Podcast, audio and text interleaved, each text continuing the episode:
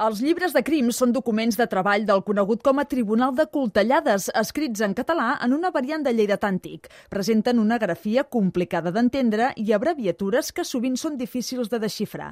Yolanda Juanes és cap de l'Arxiu Municipal de Lleida. Coltellada és una paraula que ve de coltell, que vol dir ganivet. I aquests decidien, a partir dels usatges, dels costums de Lleida, que era el codi civil penal en el qual es basaven per aplicar aquestes penes i jutjaven aquests, aquests crims. Els llibres de crims són una informació de molt valor per als historiadors com el Guillem Roca són com una finestra. I llavors que aquí dintre hi ha moltes, molta informació tangencial que potser molts cops no té directament a veure amb el crim, però que t'explica moltes coses sobre com era la vida quotidiana a l'edat mitjana. El crim és interessant, però també tota aquesta informació que, que potser no crida tant, però per, clar, per l'historiador això és aquí és on hi ha el suc. El Tribunal de Coltellades s'havia d'ocupar sovint de resoldre delictes banals, com robatoris de gallines, de llençols o baralles entre els alumnes de l'Estudi General, la universitat de l'època, però també hi havia agressions agressions, delictes de sang i històries com la del jove àrab Aznel de Crespo, que va morir cremat per jeure amb una prostituta cristiana al bordell públic de Lleida.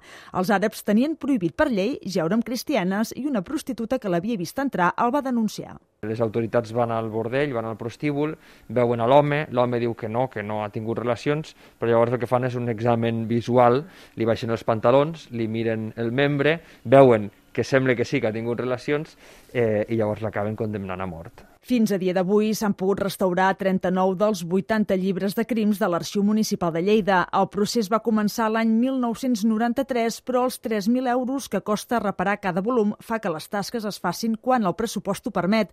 L'Arxiu Municipal de Lleida busca mecenes per permetre que aquests petits tresors que han sobreviscut a innombrables guerres i a la humitat dels magatzems deixin d'estar ocults.